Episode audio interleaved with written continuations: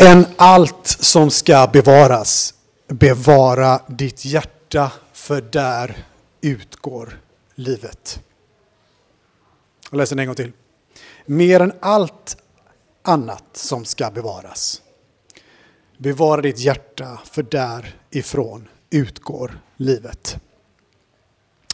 Så ni kommer få höra idag del ett av två delar med hjärtat. Nu kan du sitta ner om du vill. Eh, som, eh, som jag kommer ha den här och nästa söndag. Bibeln och eh, kristen lära förstår människan som inte bara materia i allmänhet utan att hon även har ett inre, en själ som är själva centrat eller motorn eller vad man ska säga i, till, till vem vi är. Och det är detta som skiljer oss från djuren och gör oss lika Gud i vår konstitution. Och även om Gud är en annan än oss så, så, står det faktiskt flera gånger i Bibeln att Gud har ett hjärta också. Ett, ett, ett typ av inre som talar till oss och vårat inre.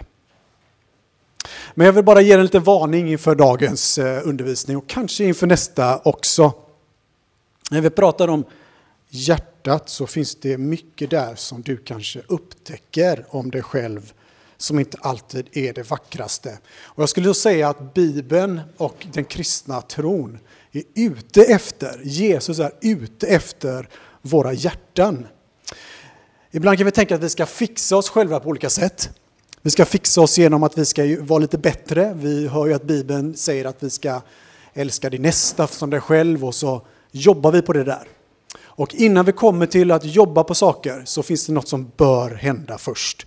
Och det är att Gud får faktiskt göra om vårt hjärta. Och det är det jag vill påminna oss om idag, att det här är det kanske viktigaste som vi har framför oss som troende.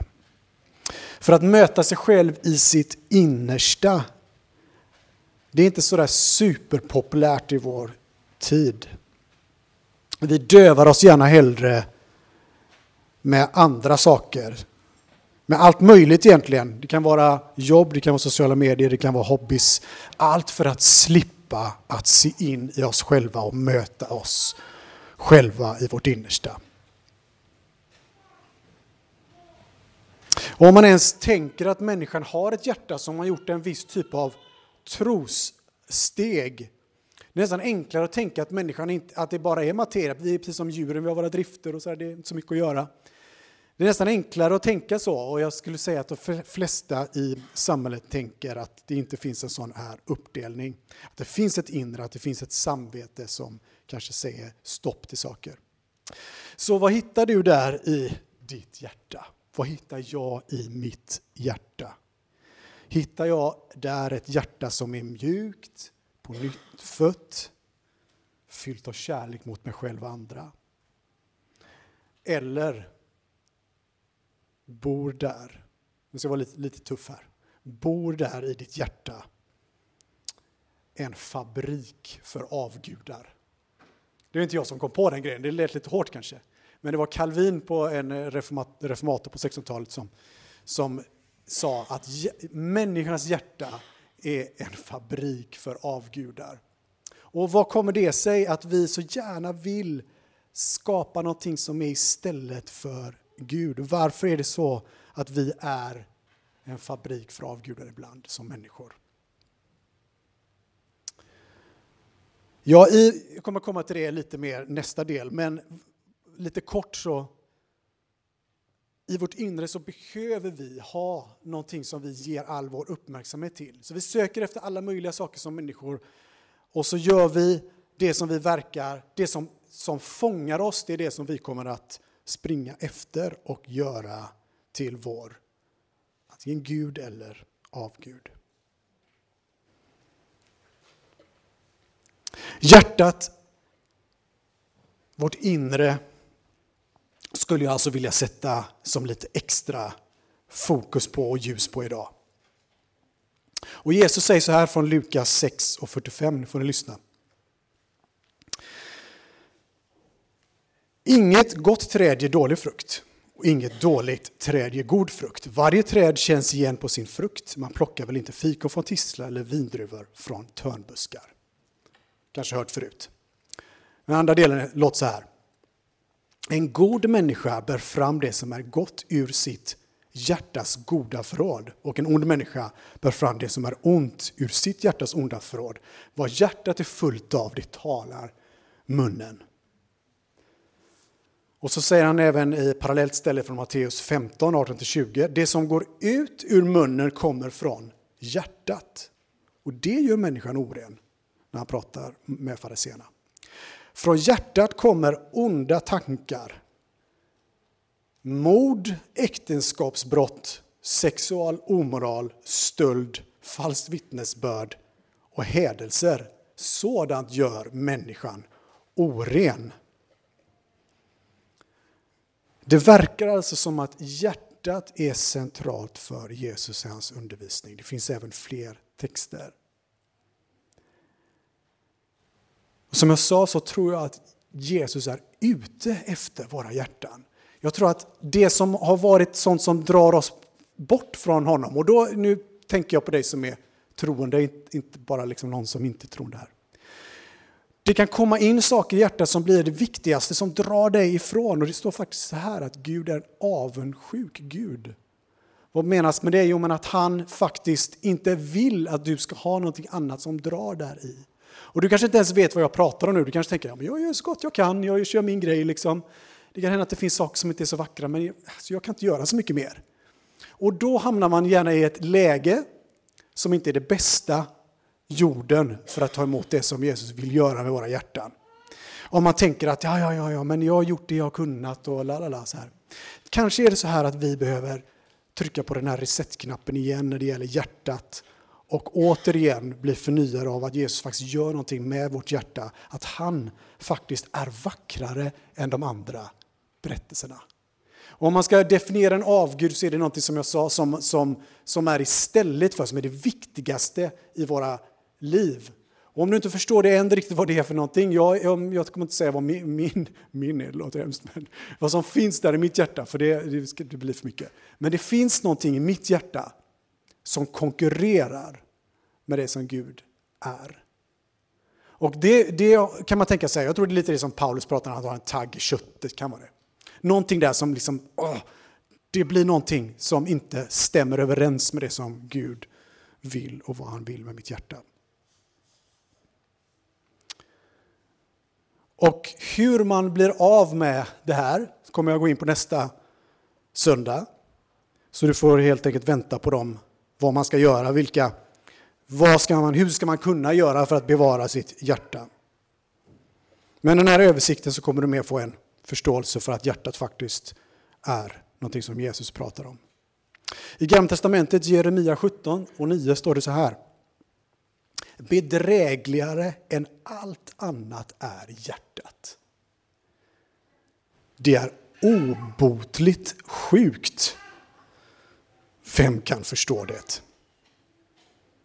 Jag, Herren, utforskar hjärtat och prövar njurarna för att ge åt var och en efter hans vägar, efter sin gärnings frukt.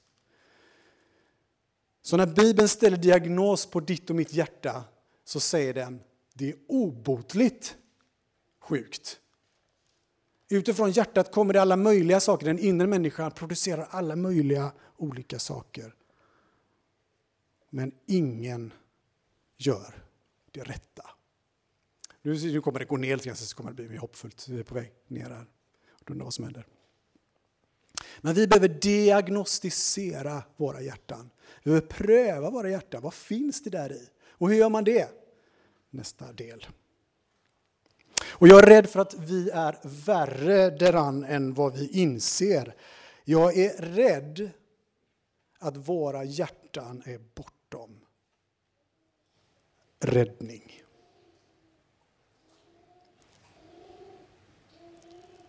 Inget självbättringsprogram kan förbättra det. Ingen diet kan hjälpa det.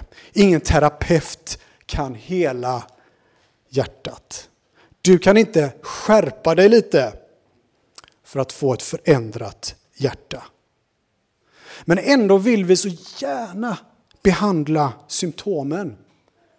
Vi vill fixa lite självhjälpsprogram ändå. Om jag bara gör lite extra här borta så kanske det blir lite bättre.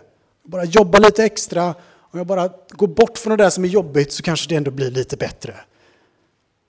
Vi vill så gärna ta ett piller istället för att gå till botten.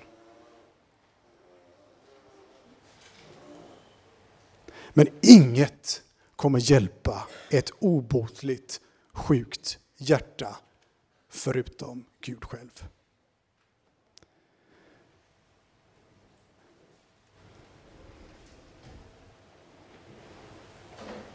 Om jag skulle sluta här så vore det, om jag skulle sluta idag så skulle ni vara på, här skulle vara på botten och ni skulle bara, ja det här är inte bra liksom. Men det är okej. Okay. Alltså, jag är inte så superrädd för mörker, ärligt talat. Om Gud kommer med räddning. Det är inte så farligt att se sin synd för vad den är och sitt hjärtas uppsåt för vad det är om du sen blir räddad av honom. Det är inte så farligt som kristen att uppleva mörker istället för att vara i en ljum verklighet där det verkligen är härligt eller dåligt. Om du vågar så stanna kvar och se att hur, det är, hur, det, hur det är med ditt hjärta och ditt inre.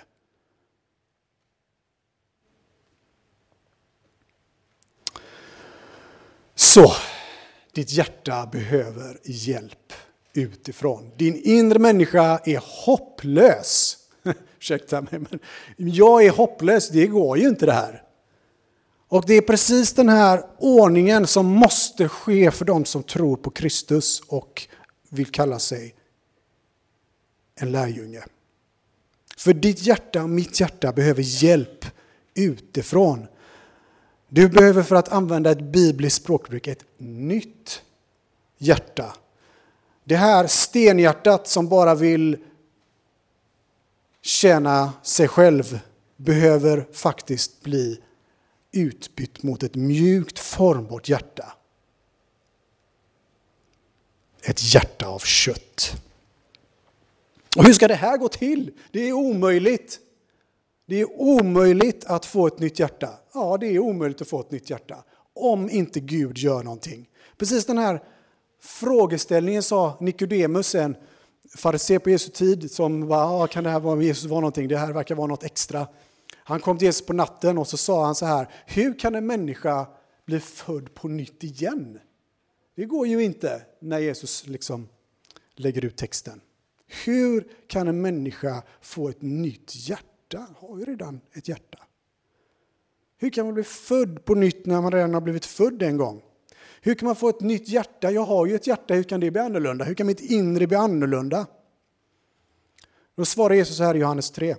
Den som inte blir född av vatten och ande kan inte komma in i Guds rike. Alltså, behöver döpas och ditt hjärtas inre behöver få anden given. Det står så här vidare från vers 6. Det som är fött av kött är kött, det som är fött av ande är ande. Var inte förvånad över att jag sa till er att ni måste födas på nytt. Vinden blåser vart den vill och du hör dess sus, men du vet inte varför den kommer och vart den är på väg. Så är det med var och en som är född av anden. Och så säger han så här, aningen senare, samma stycke. Och som Mose upphöjde ormen i öknen måste Människosonen bli upphöjd för att var och en som tror på honom ska få evigt liv. Så två saker måste hända. Jesus måste dö och du måste bli döpt och anden måste komma dig till del. Alla de sakerna måste hända i ditt liv och du måste återigen tro att det är så. Det som hände. Om någon av de här fallerar, ja men vänta nu, hur var det nu med uppståndelsen? Jag, alltså han är nog mer en god lärare. Men uppståndelsen, ah, jag vet inte, så börjar man, ska det hända någonting där. Då fallerar alltihopa. Den som vill få ett nytt hjärta, bli förnyad i sitt hjärta om det har blivit lite hårt igen, behöver tro att Jesus har uppstått från de döda. Att vattnet genom dopet och att anden genom eld kommer in i vårt hjärta igen och får göra det nytt, förnyat. Och det är detta som skulle kunna bli din bön. Om du upplever mörker i ditt liv så är det endast anden som kan ge dig liv tillbaka. Det är endast anden som kan ge dig liv i ditt inre. Hjärtat behöver inte bara en liten uppfräschning. Det behöver inte bara ett självhjälpsprogram. Det behöver total omgörelse. Mitt hjärta behöver förnyas av anden som blåser. Och hur kan det här hända? Hur kan det här ske? Precis som Nikodemus frågar. Det Kanske det du frågar dig igen. Hur kan det här ske? Det här är omöjligt. Jag gör massa dåliga saker hela tiden. Jag vill göra det goda men det går ju inte. Ditt hjärta behöver återigen bli mjukt. Du behöver förnya av Kristus själv.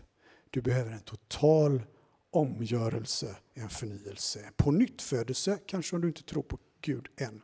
Men har du blivit pånyttfödd och haft en erfarenhet av Kristus så är det det som han vill återigen blåsa liv i genom sin ande.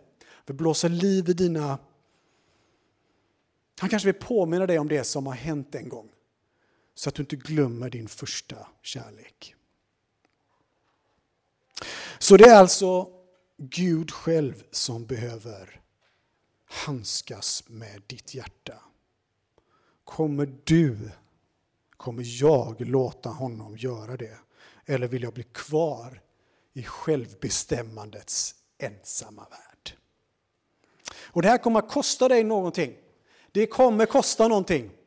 Jag ska säga så här, för en eh, tio år sedan ungefär så insåg jag att min kristna tro kostar mig ingenting.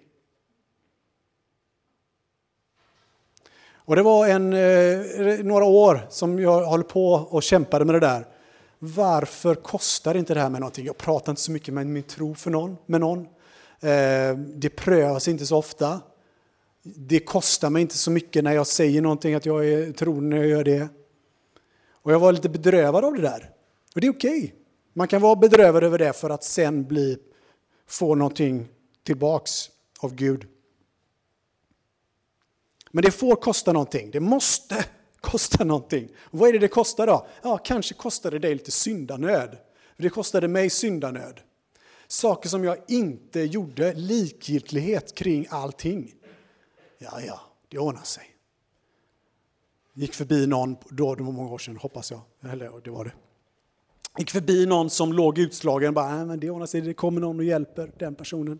Likgiltighet har för mig blivit en väldigt tydlig synd. Kanske är det smärta, det är det garanterat. Om du tror att följa Kristus är bara så här, lalala, det kommer att ordna sig. Nej, nej, nej.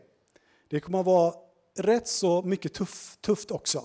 Det kommer att vara härligt och det kommer att vara tufft. Men smärtan är någonting som Gud också låter oss gå igenom. För att alla går igenom det. Och det är okej. Okay. För, för kristen tro i sin grund är en inbjudan till att dö från sig själv. Det är en inbjudan att säga nej till mig själv och ja till Kristus. Där jag får lägga ner mitt eget och få tag få, få, och få hans hjärta. Så mer än allt som ska bevaras så ska vi bevara vårt hjärta för där utgår livet. Varifrån utgår livet, tänker jag när jag hör den texten. Varifrån utgår livet då? Är det från hjärtat? Är det från, vad är det som händer? Jag vet inte om du har hört de här sångerna, eh, typ så här, gör om mig från insidan ut. Och så bara, ja men gör om mig på insidan ut. Och så blir det lite fin sång så där som vi sjunger. Kanske är det så här att det är precis så som egentligen vi ska tänka, att det är så, så, som Gud agerar med oss.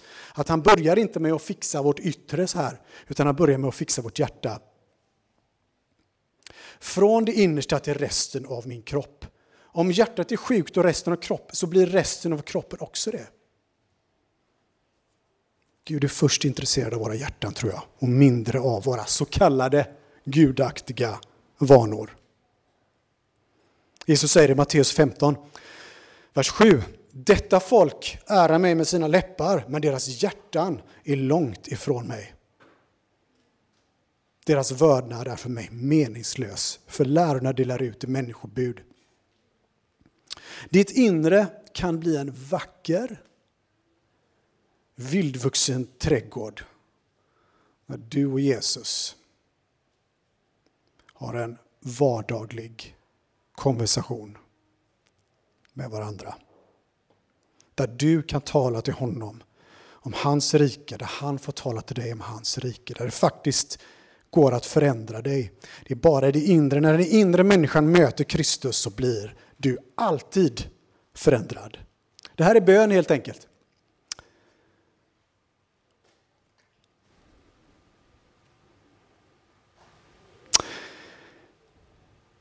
Livet som utgår från hjärtat är inte en snabb fix. Det här går inte att fixa på en eftermiddag. Gud kan fixa på en eftermiddag, men oftast tar det lång tid. Faktum är att det finns inga särskilt snabba genvägar, verkar det som. För vad hjärtat är fullt av, det talar munnen. Vad är ditt hjärta och vad är mitt hjärta fullt av? Är det fullt av besvikelser och liknande så kanske du kan hålla god min och du kanske kan klara av att inte visa det, men hjärtat är fortfarande fullt av det som det är fullt av. Om du har en konversation med någon som du kan vara transparent med, som man helst vill ha alla sina, till en viss gräns, eh, alla konversationer helst ska vara så som jag tror Jesus var, så kommer det visa sig vad du har på ditt hjärta. Det kommer fram i de här konversationerna. Du så att säga formas ju av vad du fyller på ditt hjärta med. Vilka drömmar och vilka berättelser finns i ditt hjärta? Är det drömmar om en framgångsrik karriär? Är det drömmar av att eh, bli sedd här och där? Är det drömmar om att möta eller träffa den perfekta partnern? Är det pengar? Är det kan vara allt möjligt som finns i ditt hjärta som en dröm. Det kan till och med vara goda saker som drömmar om en familj, partner och vänskap. Allt det där, goda sakerna, är också något som ditt hjärta kan vara fyllt av. Men som Tim Timothy Keller sa, en avgud är något som inte är en ultimat verklighet. Men den görs till en ultimat verklighet. Då blir den avgud. Och, det, och den kan inte leverera. Bara Gud kan leverera. Bara han är en ultimat verklighet. Han är den enda som bör ha den platsen som, eh, som formar drömmar. Sen kan det innebära att alla de här sakerna kommer i linje. Det är inget fel med något av de här sakerna som jag sa. Det finns saker som är fel, men inget av det jag radade upp alldeles nyss är något fel på. Det är bara att först, om du får de drömmarna från Gud i det här inre rummet, i den här inre trädgården, då andas det av Guds planer. Och det är den ordningen som den troende bör agera i. Sök först hans rike. Sök först han. Sök först honom och hans rättfärdighet så ska allt annat falla in efter det. Är det lite väl radikalt tycker du? Alltså jag skulle nog säga att inte enligt Jesus är inte det här särskilt radikalt. Han säger släpp allt och följ mig till de första lärjungarna. Låt allt bli en singularitet. Om du kan säga så. Låt allting bli ett fokus. En Herre i ditt hjärta. Inte som ditt nya andliga projekt nu. Ska jag ta tag i det här? Och så ska jag, utan nej, nej, nej. Kom hellre, skulle jag säga, och ge upp inför honom och säg det här går ju inte. Det här mörkret orkar inte jag med att bära. Kom med ditt ljus, Kristus. Jag ska avsluta med att säga lärjungarna blev utmanade, de första lärjungarna i Bibeln blev utmanade att lämna allt och följa Kristus. Och det är utmaningen från honom till hans första lärjungar också till oss. Att vi kan lämna våra egen snickrade drömmar och få hans drömmar. Inte som en robot eller något pliktskyldigt utan för att det har, blivit, har gått upp för dig i ditt hjärta. Så låt oss låta allt handla om honom. Och låt ditt hjärtas förråd fyllas på av honom själv, inte av annat. Amen. Vi ber tillsammans.